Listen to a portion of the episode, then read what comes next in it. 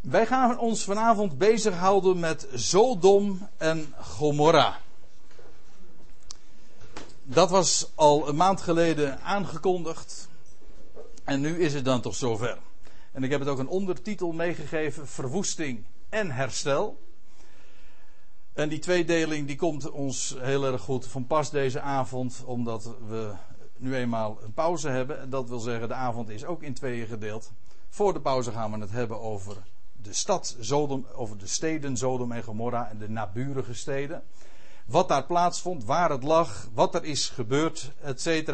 En dan gaan we na de pauze ons bezighouden met het herstel van die steden. Want ook dat is wel degelijk in de Bijbel aan de orde. Maar zover is het dus nog niet. Ik stel voor dat we eerst maar eens gewoon bij het begin beginnen. En ja, Bijbelstudie is in het algemeen natuurlijk al het bestuderen van de dingen, maar dan vanuit Gods oogpunt, van bovenaf bekeken. Nou, dat is in dit geval wel heel letterlijk, want dit is vanuit een satelliet, vanuit God's window zal ik maar zeggen.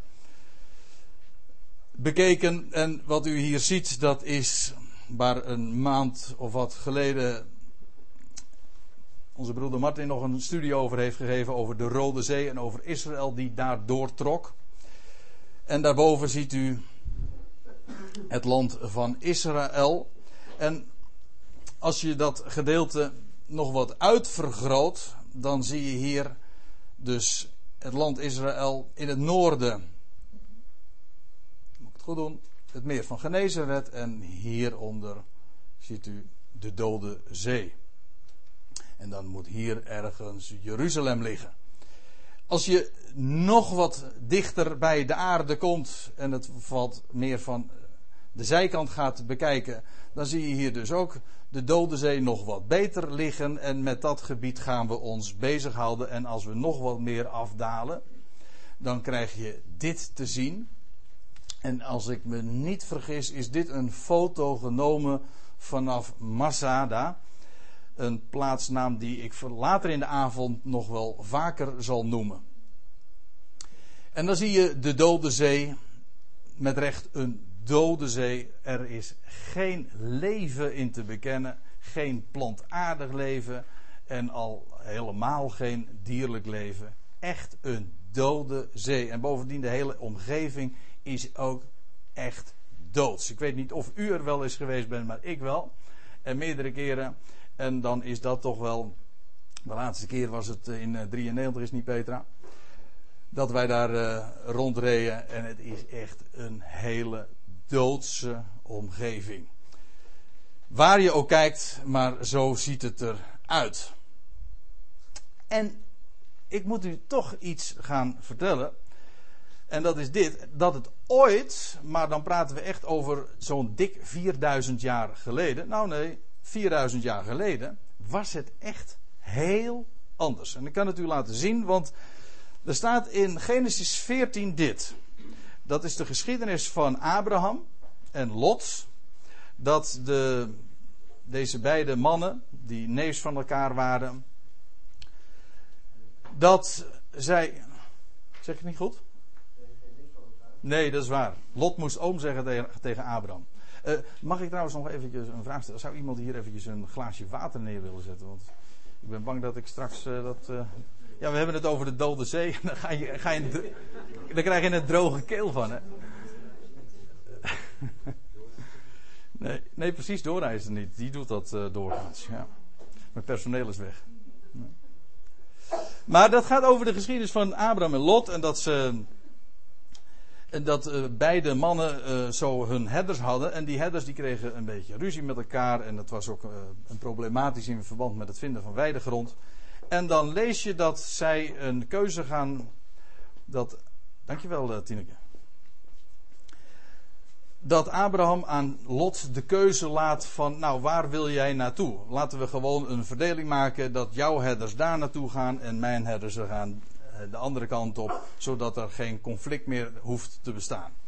Dan lees je in vers 10 van Genesis 14, toen sloeg. Hè? Genesis 13, neem niet kwalijk, inderdaad, ik zal het straks uh, nog wel goed zeggen ook, maar bij deze heb ik het ook gecorrigeerd. Genesis 13, vers 10, toen sloeg, sloeg Lot zijn ogen op En zag dat de gehele streek van de Jordaan rijk aan water was. Voordat de Heere Sodom en Gomorra verwoest had, was zij tot Zoar toe, en dat blijkt in de Bijbel het zuidelijkste puntje van die streek te zijn, maar dat staat al in hoofdstuk 10, geloof ik. Voordat de Heere Sodom en Gomorra verwoest had, was zij tot Zoar toe als de hof des Heren, als het land Egypte. Moet u nagaan wat een enorm contrast. Dat wat nu de Zoutzee is, dat was vroeger de streek van de Jordaan. Heel eigenaardig, maar daarvan wordt gezegd dat ze gelijk de hof des Heren was. Als de hof van Ede, ja, als het land van Egypte. En daarbij wordt uh, uiteraard gedoeld op die, de, de Nijldelta, waar het ook zo enorm groen en vruchtbaar is. Ik heb er hier een paar plaatjes van afgedrukt. Plaatjes van de Nijldelta en van de rivier de Nijl zelf. Alles is daar groen. Zo was ooit dus, 4000 jaar geleden, voordat Sodom en eh, Gomorra en die hele streek verwoest werd, zo was het ooit. Groen en vruchtbaar en rijk aan water. Nou, je zou kunnen zeggen en kunnen verdedigen dat het nu ook rijk aan water is, maar dan is het toch in ieder geval dood in de pot. Maar vroeger was het dus echt levend. En dat, het was ook trouwens helemaal geen zee. Het was weliswaar rijk aan water en zeer vruchtbaar, maar het, het, heet ook gewoon de streek van de Jordaan. De vlakte, andere vertalingen zeggen dat zo, de vlakte van de Jordaan. De Jordaan liep daar gewoon door. Het is nu, het is nu doodlopend, letterlijk zelfs. De rivier de Jordaan loopt dood in die zee. En waarom is het een dode zee? Wel, omdat die zee vervolgens niet, geen uitlaat meer heeft. Het water komt daarin terecht en vervolgens komt het er niet meer uit. Eigenlijk uh, komt het uh, terecht in een gigantische diepe put. Van op sommige plaatsen zelfs 440 meter beneden de zeespiegel. Er is op de hele aarde geen plek zo diep gelegen als de Dode Zee. Zoveel honderd meter beneden de zeespiegel. Maar, en dus het, uh, het water komt eigenlijk in die put terecht. En voordat het eruit uh, komt, uh, uit zou kunnen stromen of dat het zou overlopen, is het alweer verdampt. En vandaar ook dat de zee steeds zouter wordt. Trouwens, momenteel is er nog een heel ander probleem met, uh, met de Dode Zee. En dat is dat die steeds meer droog komt te liggen. Omdat, omdat er veel te veel water uit het meer van Tiberias en ook uit de Jordaan gehaald wordt voor irrigatiewerkzaamheden. Ook al omdat er minder regen valt en dat soort problemen. Zodat er gewoon minder water in de, Jorda in de, Dode, Zee, in de Dode Zee sowieso stroomt. Maar omdat het water weliswaar uit die zee verdampt, blijft het zout erin achter. Zodat die zee gewoon met de jaren steeds zouter en daarmee dus ook steeds doodser wordt. Voor zover, voor zover dat uh, kan bestaan. Hè? Want leven was er toch al niet in. Dus hoe kan het dan, als het dood is, nog doodser worden? Maar in ieder geval, het wordt steeds zouter nog. Het was, maar het was eens de streek van de Jordaan. Zo heette het. En het was rijk aan water en ze was als de hof des heren, als het land Egypte. En als je dan nog even verder leest in vers 11. Dus koos Lot voor zich de gehele streek van de Jordaan. Was op zich volkomen eerlijk. Van, van Lot natuurlijk. Hoewel het hem uh, wel, weliswaar kwalijk genomen wordt. Maar het was Abraham die hem de keuze had gelaten. Maar uh, Lot koos voor zich de gehele streek van de Jordaan. Was ook het meest voordelig voor hem natuurlijk. En Lot brak op naar het oosten. En zij scheiden van elkander. Abraham bleef wonen in het land Canaan. En Lot vestigde zich in de steden van de streek. En sloeg zijn tenten op tot bij Sodom. Hier nog niet in Sodom, want later komt hij wel degelijk ook in Sodom te wonen. Sterker nog, hij krijgt daar een plaats in de politiek, maar daarover later straks nog wat meer. In elk geval, hier is het nog zo dat hij zich bij Sodom zijn tenten op. Uh, hoe zeg je dat? Opsloeg, ja, precies. Dat is wat hij deed. En dat was dus de streek van de Jordaan, dat wat nu dus de Dode Zee heet. En Dode Zee is, dat was ooit een groene vlakte, vruchtbare vlakte. En het heette de streek van de Jordaan. De Jordaan liep daar gewoon in door en hoe ver ze doorliep en of ze daadwerkelijk ook helemaal in de golf van Eilat terecht is gekomen, weet ik niet. Daar kan ik helemaal niks over zeggen. Vanuit de Bijbel is daar ook geen informatie over. Ik heb wel eens een keertje verhalen gelezen dat die hele vlakte ook daaronder, ik kom er later op de avond nog wel eventjes op terug, maar die hele vlakte daaronder, die heeft ook, uh, de, de verraadt ook sporen dat daar wel een rivier ook gelopen heeft, ooit in een grijs verleden, omdat daar gewoon allemaal nog rivierklei gevonden wordt. Dus dat, uh, dat, dat is dan het verhaal. Maar in de Bijbel lezen we het niet. In elk geval, dat wat nu de Zoutzee is, dat was eens de streek van de Jordaan en waterrijk en zeer vruchtbaar en groen. Goed. Als we nou even verder lezen in Genesis 14. We kunnen vanavond trouwens, maar dat zeg ik even terzijde, lang niet alle schriftplaatsen bespreken waar de, de steden, de plaatsnamen Lot, uh, of ja, nee, ik zeg het verkeerd, waar de plaatsnamen Sodom en Gomorra genoemd worden, behandelen. Kan echt niet, want niet alleen maar in Genesis, in Genesis is het nogal een aantal hoofdstukken dat deze steden zo ter sprake komen. Maar vervolgens in de rest van de Bijbel komen deze plaatsnamen ook nogal regelmatig terug. Maar een aantal van die hoofdmomenten moeten we toch beslist de revue laten passeren. Laten we lezen in Genesis 14, vers 1. Daar staat het. Het gebeurde nu in de dagen van Amravel, de koning van Siniar. En Siniar, dat is de vlakte van, uh, van uh, Mesopotamië, waarin de stad Babel is gebouwd. Dus het was eigenlijk gewoon de koning ook van Babel. Precies het gebied feitelijk waar Lot en Abraham ooit vandaan kwamen, namelijk uit Mesopotamië. Als je het een beetje breed opvat. Maar ze kwamen daarmee in conflict, want er staat er, dat gebeurde nu in de dagen van Amravel, de koning van Siniar, en Tidal, de koning van de volkeren, dat deze oorlog voerden tegen Bera, de koning van Sodom, Birsa, de koning van Gomorra, Sinab, de koning van Atma, Semeber, de koning van Seboim, en de koning van Bela, dat is Zoar. Deze alle kwamen in bondgenootschap naar het dal Siddim, dat is de Zoutzee. Dus wat nu de Zoutzee is, de Dode Zee, dat was ooit die vruchtbare streek, waar ik al zojuist over las. Maar dat dal heette Siddim. En zij kwamen hier uh, bij elkaar en daar wordt oorlog gevoerd.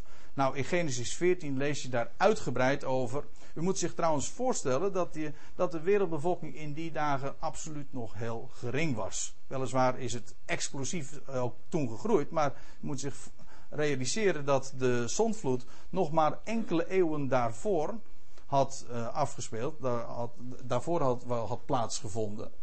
Vier, vijf eeuwen daarvoor zodat we niet al te grootse voorstellingen van, van, de, van de wereldbevolking moeten maken. Dat blijkt ook wel, want als er hier dan zo sprake is van een wereldoorlog, want dat is het wel. Het is een wereldoorlog. Maar als uh, uiteindelijk Lot dan gevangen genomen wordt, want in wezen wordt die hele streek van, van de vlakte van Siddim wordt verslagen en die worden dan ge, meegenomen door deze koningen die uit het gebied van Siniar komen. En die worden dan, uh, mee, dan wordt ook Lot meegenomen. U kunt dat lezen in Genesis 14. Ik ga dat nu niet het hele verhaal vertellen. Maar die worden dan meegenomen. En dan is het Abraham, oom Abraham, die hem uh, redt. En niet alleen Lot, maar ook de anderen die gevangen genomen waren. En de koning van Sodom enzovoort. En dan lees je dat dat, dat plaatsvond met een legertje van 318 man. Nou, nou kun je natuurlijk verdedigen dat God wel meer uh, een hele grote nederlaag heeft aangebracht met een klein legertje van pakweg 300 mensen. Dat is waar. Maar ik, wil, ik denk dat dit toch wel heel illustratief is voor, ook voor, de, voor de groten van de, van de bevolking die in die dagen was. Dat was allemaal nog betrekkelijk klein. maar hier lees je dus, en daar gaat het me nu vooral eventjes om. Die Zoutzee, dat was de vlakte van Siddim. Ook die naam kom je in de Bijbel nog verschillende keren tegen. Dus in die vlakte van Siddim had je een aantal steden. Een vijftal worden er in de Bijbel genoemd. Waarvan de bekendste Sodom en Gomorra waren. Vermoedelijk een tweelingstad. Twee steden die vlak tegen elkaar aanlagen. Vervolgens ook Atma, Seboim en Zoar. Dat waren de steden die in die vlakte van de Jordaan of het dal Siddim gelegen waren. Waarvan we alleen van Soar weten dat ze aan het uiterste zuidpuntje gelegen is, want het was namelijk een van de grenspalen van het land. En dat wordt dan gesitueerd in Genesis 10 ergens in het zuiden. Dat is wat we weten, maar hoe voor de rest deze steden gelokaliseerd moeten worden, precies in die streek, dat is moeilijk te achterhalen. Er worden verschillende opties genoemd, maar daar gaan we ons vanavond niet mee bemoeien. Oh, dan lezen we nog iets over dat dal. In Genesis 14. Het dal Siddim nu was vol met, staat er in de, de MBG-vertaling, was vol met asfaltputten. En toen de koning van Sodom en die van Gomorra vluchtten, vielen zij daarin en de overgeblevenen vluchtten naar het gebergte. Ja, nou, als u een statenvertaling hebt, dan zult u zien dat daar iets anders staat. Dan staat er lijmputten. Nou, dat woordje wat, uh, wat daar in het Hebreeuws staat, dat is inderdaad lijm, of beter in dit geval leem, maar leem en lijm is eigenlijk gewoon hetzelfde.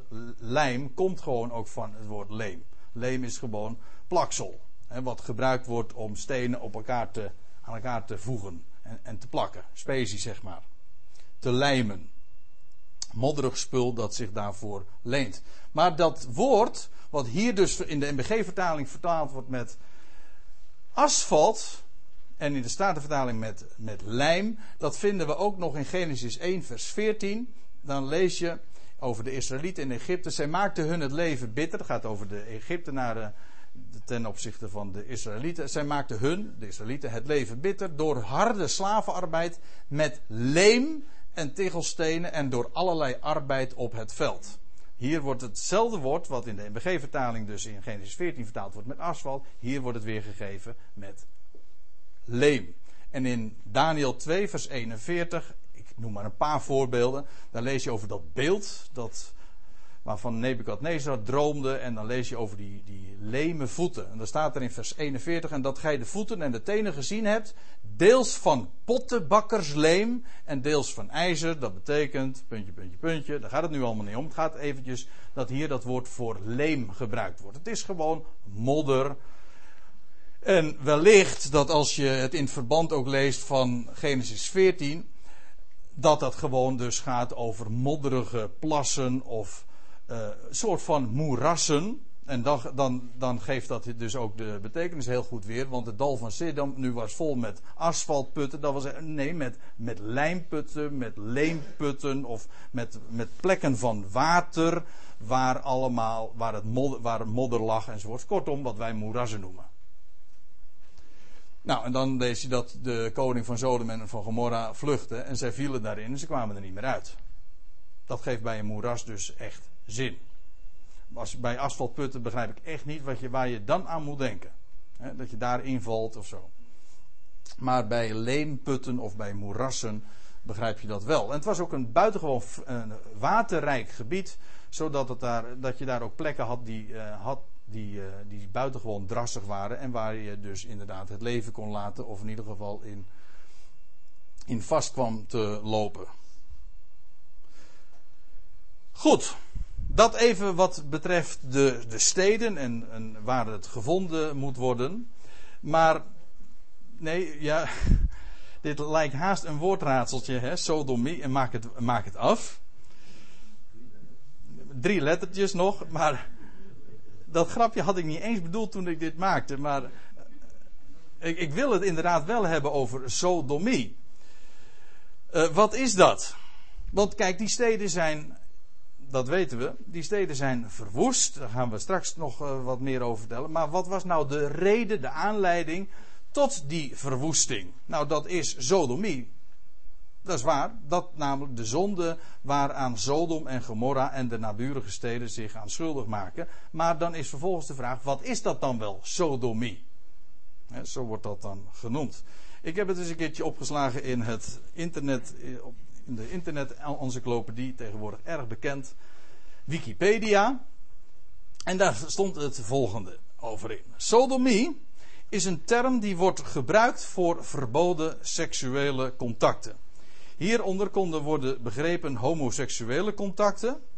Ook zoofilie, wat een heel mooi woord is voor een minder fraaie zaak, want het betekent gewoon bestialiteit, oftewel seksuele gemeenschap met dieren, tussen mens en dier.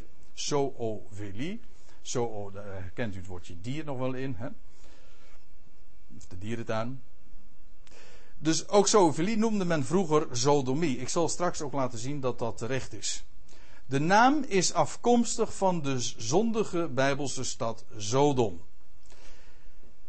In de stad Sodom was het gewoon dat mannen seksuele gemeenschap hadden met andere mannen. Ook dat klopt, ik zal het daar straks laten zien. Dan vervolgens staat er nog in Wikipedia: een homoseksueel noemende, uh, noemde men vroeger ook wel een sodomiet. Dus een term die tamelijk in onbruik is geraakt.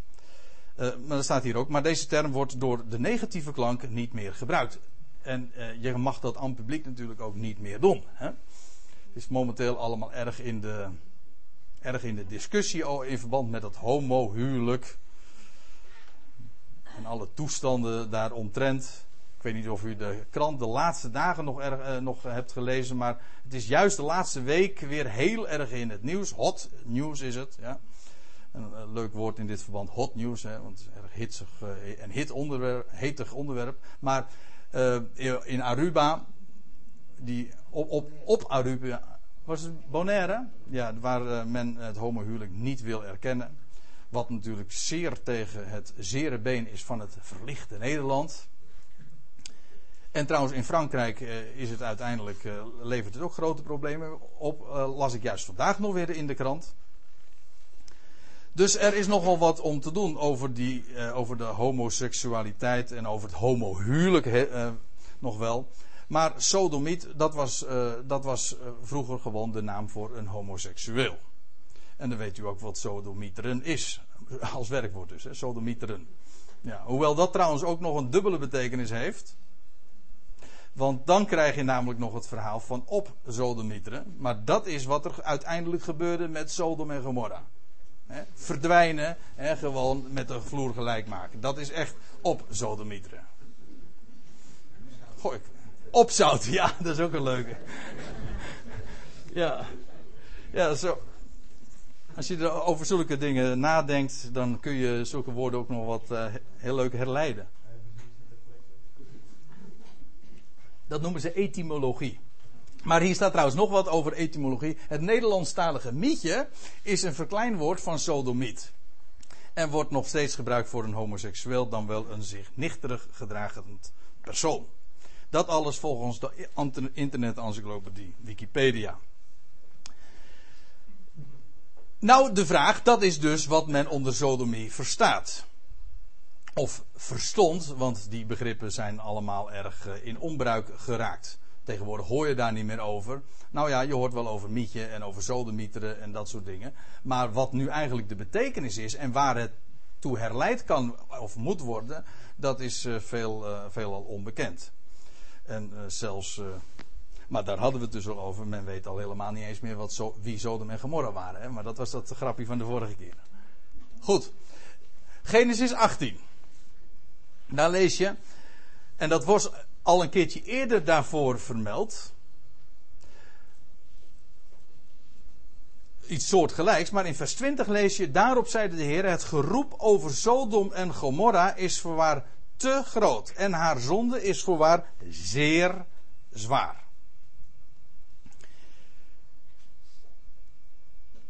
In Ezekiel 16, daar lees je in vers 49 dit. Die moet u eens even goed tot u laten doordringen. Zie, over dit gedeelte trouwens zullen we het later vanavond ook nog hebben, maar dat is dan inmiddels na de pauze. Daar staat in Ezekiel 16, vers 49: Zie, dit was de ongerechtigheid van uw zuster Sodom. Dit wordt tegen Jeruzalem gezegd. De inwoners van Jeruzalem wordt dit verhaald. Dit was de ongerechtigheid van uw zuster Sodom. In trots overdaad en zorgeloze rust leefde zij met haar dochters, dat wil zeggen met haar naburige steden, zonder de ellendige en de armen te ondersteunen. Vervolgens verwaten, dus hoog, hoogmoedig waren zij en bedreven gruwelen voor mijn aangezicht. En daarom vaagde ik ze weg, over op sodemieter gesproken. Daarom vaagde ik ze weg, zodra ik het zag.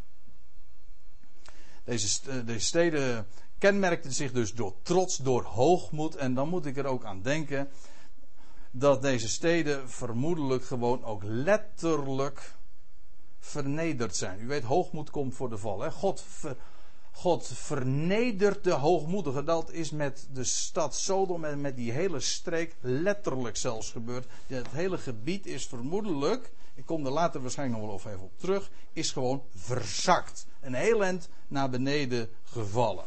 Ik wilde een ander woord gebruiken, maar laten we het uh, nu even netjes houden voor de rest. Met recht hoogmoed komt voor de val. Het was hoogmoed en zij bedreven gruwelen. En gruwelen houdt in de Bijbel altijd verband met afgoderij.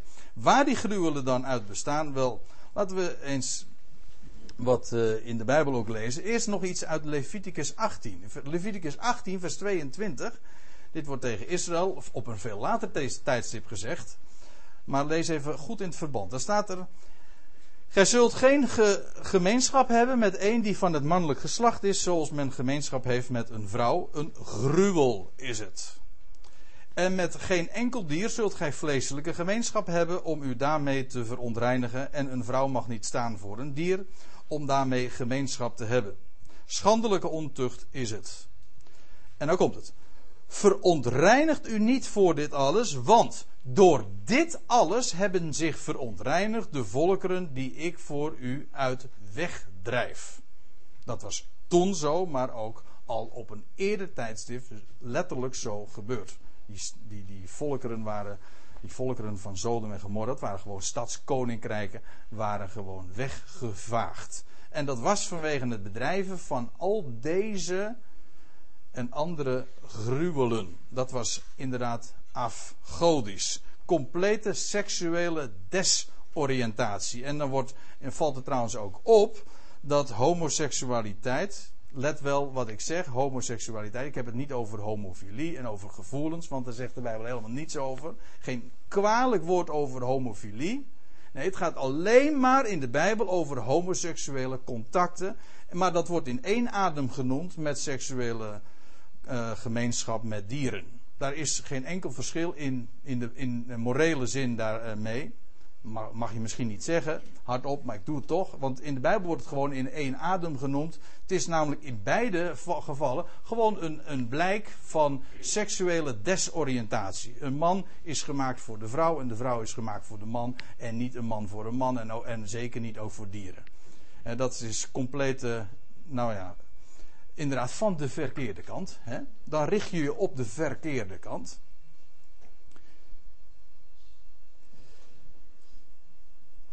Dat we inderdaad daarmee te maken hebben in Sodom, dat blijkt wel, want in Genesis 19 lezen we, en dat is vooral erg bekend, of ja, toch wel het meest bekend, denk ik, van de, de gruwel uh, die plaatsvond in, in Sodom. Maar je leest daar als Lot dus visite heeft gekregen van die hemelse boodschappers, die engelen. Dan staat er zij, dat zijn die engelen, hadden zich nog niet ter ruste gelegd of de mannen van de stad, de mannen van Sodom, omsingelden het huis. Van jong tot oud, de hele bevolking, niemand uitgezonderd. Waaruit volgens mij trouwens opnieuw weer blijkt dat we niet aan enorme grote uh, bevolkingen moeten denken. Dat, is, dat valt allemaal wel mee in de termen waar wij tegenwoordig gewend zijn in te denken. Maar in ieder geval, die hele stad die omsingelt het huis. En dan lees je in vers 5. En zij riepen Lot toe en zeiden tot hem: Waar zijn de mannen die vannacht bij u gekomen zijn?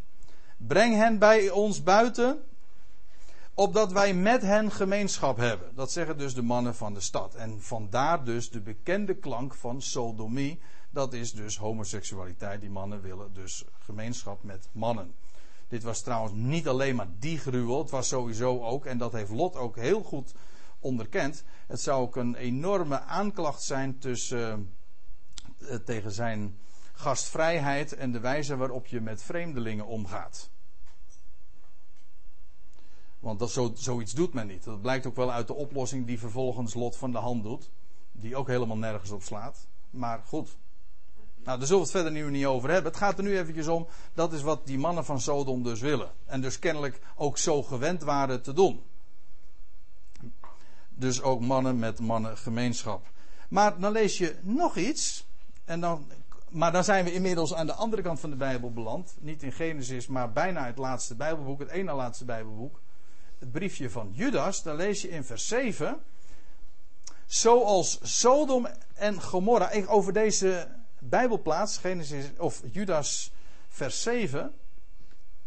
Zal ik vanavond nog verschillende keren dat aanhalen. Maar nu dus voor het eerst. Daar staat, zoals Sodom en Gomorra en de steden in hun nabijheid, want dat waren er nog drie dus, daar hadden we het al over, die op gelijke wijze als gene, dus als zij, als Sodom en Gomorra, haar hoererij hebben bot gevierd en ander vlees achterna gelopen zijn. Let op wat hier staat. Het gaat hier dus niet over homoseks, want dat is, dat is, juist, gelijk, dat is juist hetzelfde vlees na, nalopen. Maar het gaat hier ook het gaat hier over andersoortig vlees nalopen.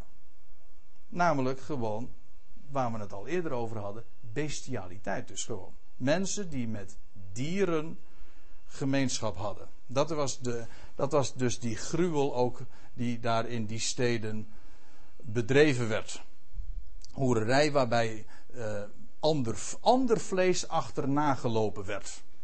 Dus u kunt wel zich eh, een klein beetje een voorstelling vormen van hoe beestachtig, in dit geval dus heel letterlijk, deze steden zich gedroegen. En het geroep van hun zonde steeg ten hemel op. En u zegt van, nou ja, daar, tegenwoordig kijken we daar niet meer zo van op, hè, van al die dingen. Nou, ik hoop van u nog wel, maar in, inmiddels is, zijn deze dingen schering en inslag. En dat geldt ook bijvoorbeeld, we hadden het zojuist even over het homohuwelijk. Maar ik bedoel, het is toch, tegenwoordig is het echt not done om daar kritiek op te hebben. Zeker in een, in een verlicht en libertijns land als Nederland en het is zelfs zo dat als je als ambtenaar weigert uh, een, een, twee mannen in, in de echt te verbinden, dan, dan heb je het helemaal gedaan. Dan word je in de ban gedaan. Dat kan echt niet. Maar u moet zich eh, realiseren dat nog maar 30, 40 jaar geleden, misschien nog wel minder, het homohuwelijk, nou wat zeg ik, inderdaad nog veel minder, het homohuwelijk was een ondenkbaar gegeven. Homoseksualiteit in het algemeen zelfs. En nu zijn de rollen compleet omgekeerd. Zodat je ook maar ziet, en dat lees je in Romeinen ook, dat als eenmaal God verlaten wordt, dat wil zeggen als God niet meer als God vereerd wordt, dat de mens inderdaad zijn oriëntatie kwijtraakt, ook in seksueel opzicht gedesoriënteerd raakt, in duisternis uh, terechtkomt en dus ook de man als beeld van God weggeredeneerd wordt. En dat leidt inderdaad tot, ja, tot homoseksualiteit en feminisme feitelijk ook, waarbij ook de man weg, wordt weggeredeneerd. Maar eigenlijk is het allemaal de, de verschijningsvorm van een dieper liggende filosofie, namelijk waar de man als beeld van God wordt weggeredeneerd. Het is dus echt seksuele desoriëntatie en wij leven in een, in, in, in een tijd waarin we datzelfde verschijnsel gewoon om ons heen zien gebeuren.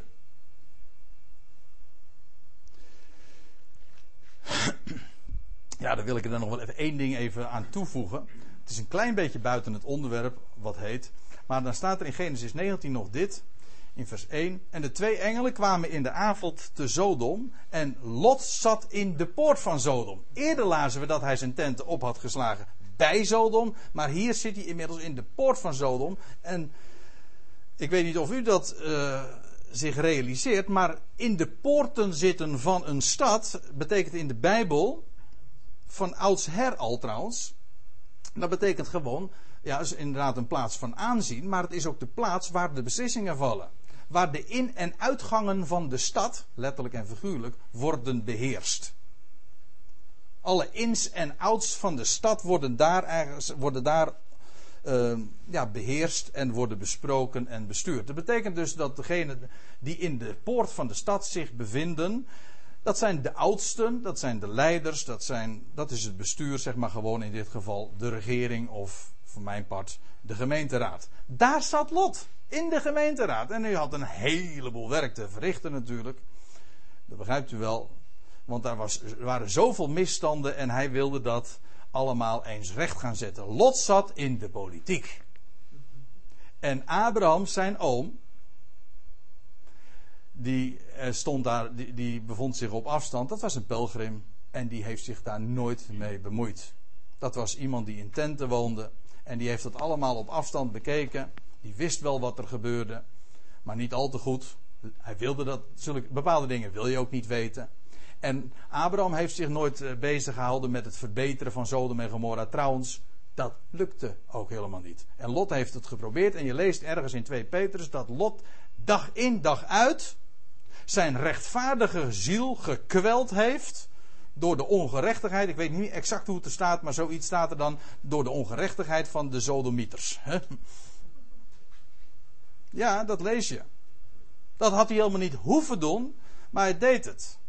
En sterker nog, het feit dat hij daar zo zijn plaats in de politiek had gekregen, dat keerde zich zelfs tegen hem, want dat lees je dan vervolgens. Maar zij zeiden, dan gaat het over de Sodomieten, ga opzij en, ze, en, en zij, uh, wacht eventjes hoor. Ik weet nu eventjes niet waar ik ben. Nou ben ik gedesoriënteerd in de tekst. Dat heb je als je dan uh, iets weglaat. Oh ja, en dan zeggen de Sodomieten, uh, deze ene, gaat het over Lot, is als vreemdeling komen vertoeven om ons geheel en al de wet te stellen. En nu zullen wij u meer kwaad doen dan hun.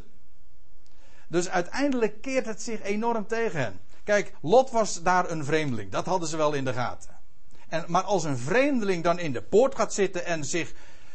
En dan ook de, de, de vinger gaat opheffen en de, de toestand daar probeert te verbeteren. Sterker nog, hij wil hen de wet gaan stellen. Dan keert dat zich tegen je. En ik moet zeggen, en daarom heb ik het er eventjes nu ook bij de bespreking bijgenomen. Ik zie die gelijkenissen vandaag ook. Dat als je als vreemdeling in Sodom en Gomorra woont en je wil de wet gaan stellen en je, wil gaan, en je zit in de poorten en je gaat eens eventjes vertellen hoe het moet en je wil Sodom en Gomorra gaan verbeteren. A, het lukt je niet. B, je moet water bij de wijn doen.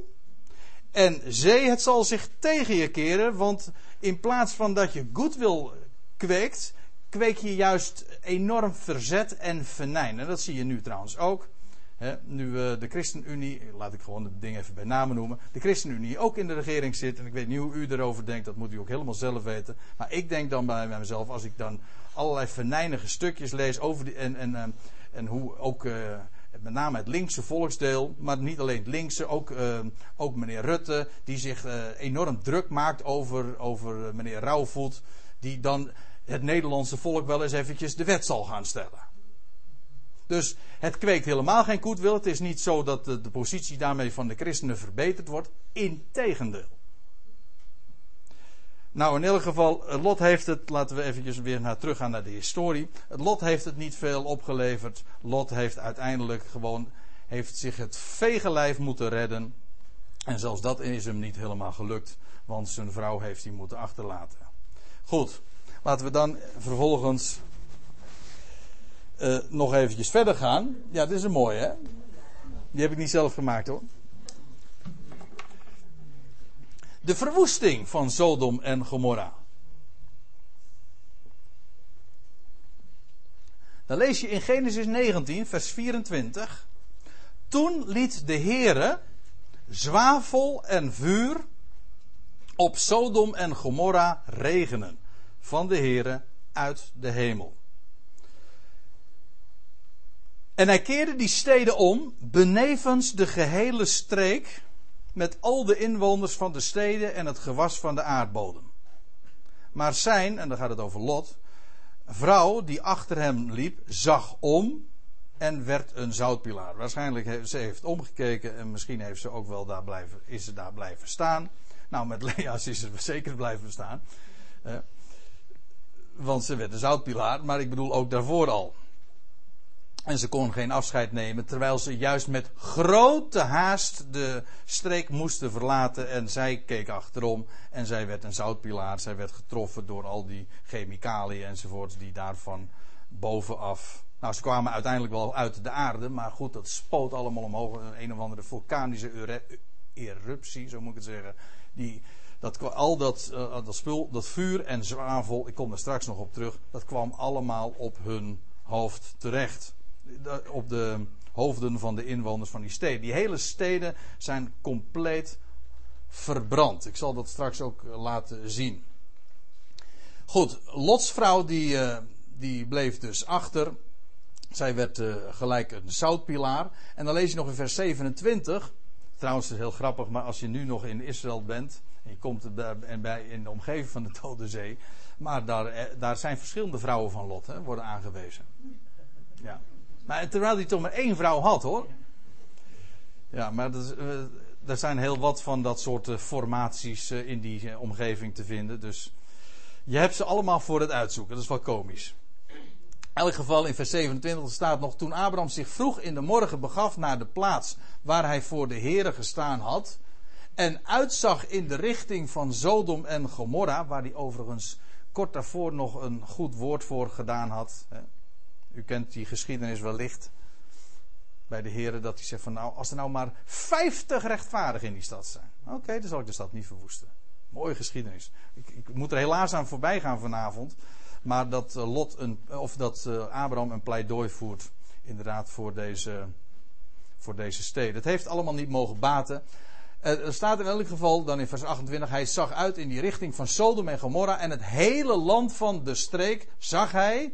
En zie, de rook van de aarde steeg op als de rook van een smeltoven. Kun je je voorstellen? Hoe, wat er precies gebeurd is, is, wordt niet vermeld. Ik noemde zojuist al de suggestie dat ooit de Jordaan doorliep in die streek. En dus niet doodliep in die streek. En dus dat kennelijk dat hele gebied ook verzakt is. Maar we hebben wel gelezen dat die hele streek is omgekeerd. Er heeft in elk geval een enorme uitbarsting van zwaal, zwavel en vuur, of van vurige zwavel, plaatsgevonden. En dat heeft die hele streek in de as gelegd. En het plaatje wat u hier ziet afgebeeld, dat is ook zo'n vulkanische uitbarsting waarbij ook zwavel en vuur vrijkomt. En u ziet ook de rook van de aarde opstijgen. Ja, wat een milieuvervuiling, hè? En daar zorgt de schepper dan allemaal nog zelf voor ook. Ja. Laat El Gore het niet weten. Goed. En dan wil ik u nog iets wat laten zien. Want deze streek is nog steeds dus te bezien. Het is de omgeving van de Dode Zee, maar er is nog veel meer te bezien. We lezen in Judas, dat is de tweede keer dat ik deze, dat deze, dit gedeelte aan u voorlees, in vers 7, daar staat dit namelijk. Zoals Sodom en Gomorra en de steden in hun nabijheid, die op gelijke wijze als gene haar hoererij hebben botgevierd en ander vlees achterna gelopen zijn, daar liggen als voorbeeld onder een straf van eeuwig vuur. Nou, op dat laatste, daar kom ik na de pauze op terug. Maar ik wil nu eventjes erop wijzen dat er staat dat die steden daar liggen als voorbeeld. Dat schrijft Judas in de eerste eeuw. En dan zal ik nog een schrijver uit de eerste eeuw noemen. En dat is weliswaar geen Bijbelschrijver, maar was iemand die ons wel heel veel historie heeft doorgegeven. En tot op de dag van vandaag een van de belangrijkste bronnen ook is, buiten de Bijbel, van de oude geschiedenis. Flavius Josefer, een Joods geschiedschrijver, die met name ook heel veel vertelt over de gebeurtenissen in zijn dagen, de verwoesting van de stad Jeruzalem, etc. En hij schrijft dit in het boek The Wars of the Jews, boek 4, hoofdstuk 8. U kunt het gewoon lezen. Of het in Nederlands verkrijgbaar is, weet ik eigenlijk niet. Op het internet zijn al die boeken gewoon online te lezen. En daar vind je dus dit, ik heb het even voor u vertaald. Daar zijn nog steeds de overblijfselen van dat goddelijk vuur. En de sporen van de vijf steden zijn nog steeds te bezien. En Flavius Josephus wist waar hij het over had, want die kende die omgeving namelijk als een broekzak. Hij kende, het was een eh, man uit het priesterlijk geslacht, in woonachtig in, ooit in Jeruzalem, maar hij kende de omgeving van de Dode Zee ook, want wij weten van hem vooral ook de verhalen van Masada. Ik kom daar straks nog even op terug. Hij wist waar hij het over had. Hij zegt: Het is allemaal nog steeds te bezien. Dat was 2000 jaar geleden zo. En inmiddels moet ik zeggen: het, het niveau van het water in de Dode Zee is alleen maar gezakt. Dus dat is ook het probleem niet. Dat het vandaag niet meer te bezien zou zijn. We zullen, we zullen zien. In die omgeving is inderdaad heel wat aan opgraafwerk uh, gebeurd. Nou, daar is een plaatsje. Nou, wat zeg ik? Een gigantische begraafplaats, Bab Edra. Ik weet niet of ik het goed uitspreek, maar zoiets zal het dan zijn. Bab Edra. En daar zijn tienduizenden en sommige. Ik heb zelfs het getal van 500.000. En ik heb uh, op een internetsite zelfs miljoen. Dus we moeten in ieder geval denken aan talloos veel graven zijn daar gevonden. En die worden allemaal in die tijd ook geplaatst. Toch wel. In Bab Edra. En als je daar even onder. Dat is een kilometer of 13 zuidwaarts. Ben je in Numeira. En dat is een ommuurde nederzetting. En zo zijn er nog wel meer in die streek. Aan nederzettingen die nog steeds te bezichtigen zijn. Maar wat zo opmerkelijk is, is dit. Masada. Dat wil zeggen, dat wat je aan de voet van Masada ziet. En ik zei zojuist al, Flavius Josephus, die was degene die ons ook de verhalen heeft uh, overgeleverd van, van wat er gebeurd is met Masada. Sowieso hoe het ontstaan is, dat het... Uh, ik geloof dat het gebouwd is 40 voor Christus door Herodes de Grote als een, als een uh, onneembare vesting. Nou ja, een bijna onneembare vesting. Uiteindelijk is het zo rond het jaar 70 toch als, eh, als het laatste Joodse bolwerk is het toch ingenomen door de Romeinen. En uh, deze Flavius Josephus beschrijft dat ook allemaal, hoe dat gebeurd is. Uiteindelijk hebben de Romeinen die, die Massade, die, die, die stad, nou ja, ja, het is min of meer een stad daar in de, uh, daar bij de Dode Zee.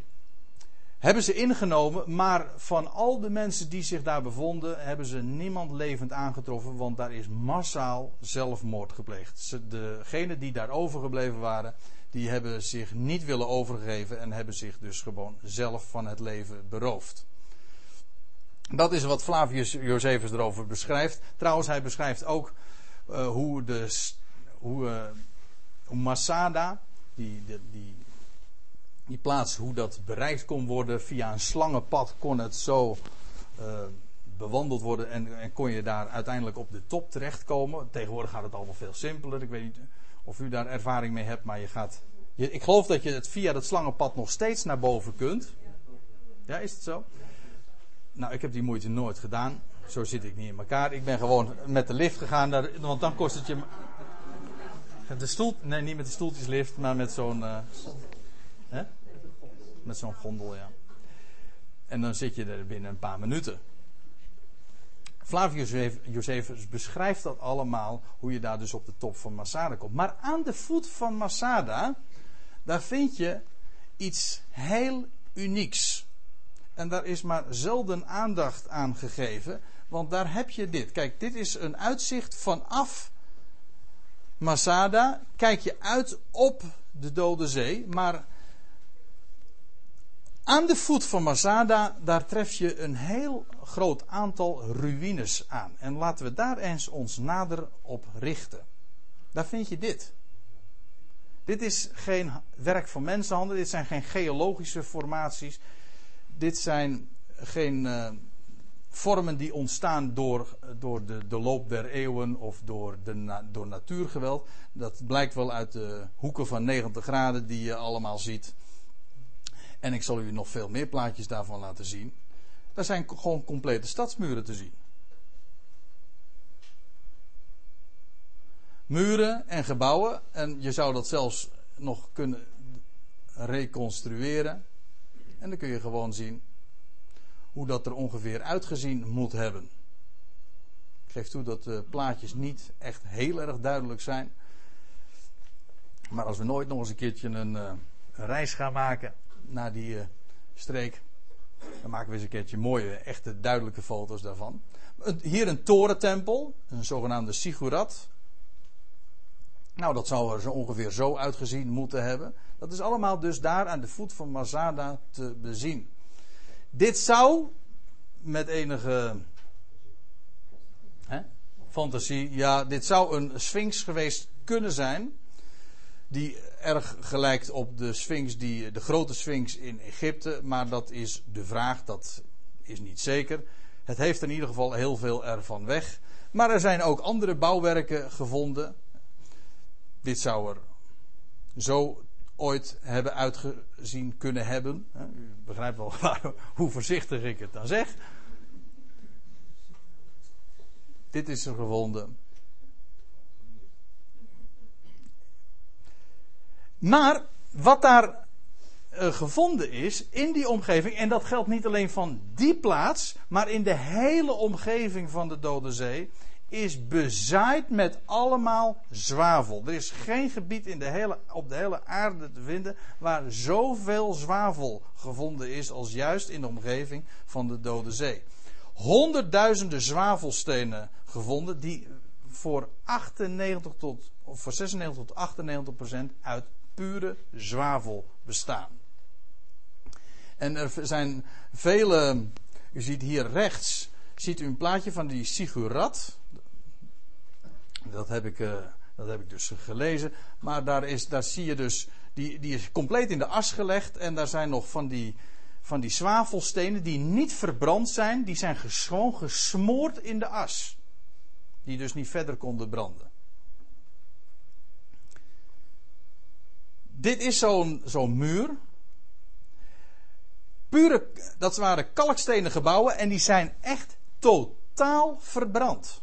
Dat blijkt wel, want die stenen die zijn samengesteld uit, zoals dat met een mooi woord heet, calciumsulfaat. En sulfaat, u, herkent het woordje sulfur erin. Dat betekent dat het kalk is uh, verbrand uh, in combinatie met sulfur, met zwavel en calciumcarbonaat.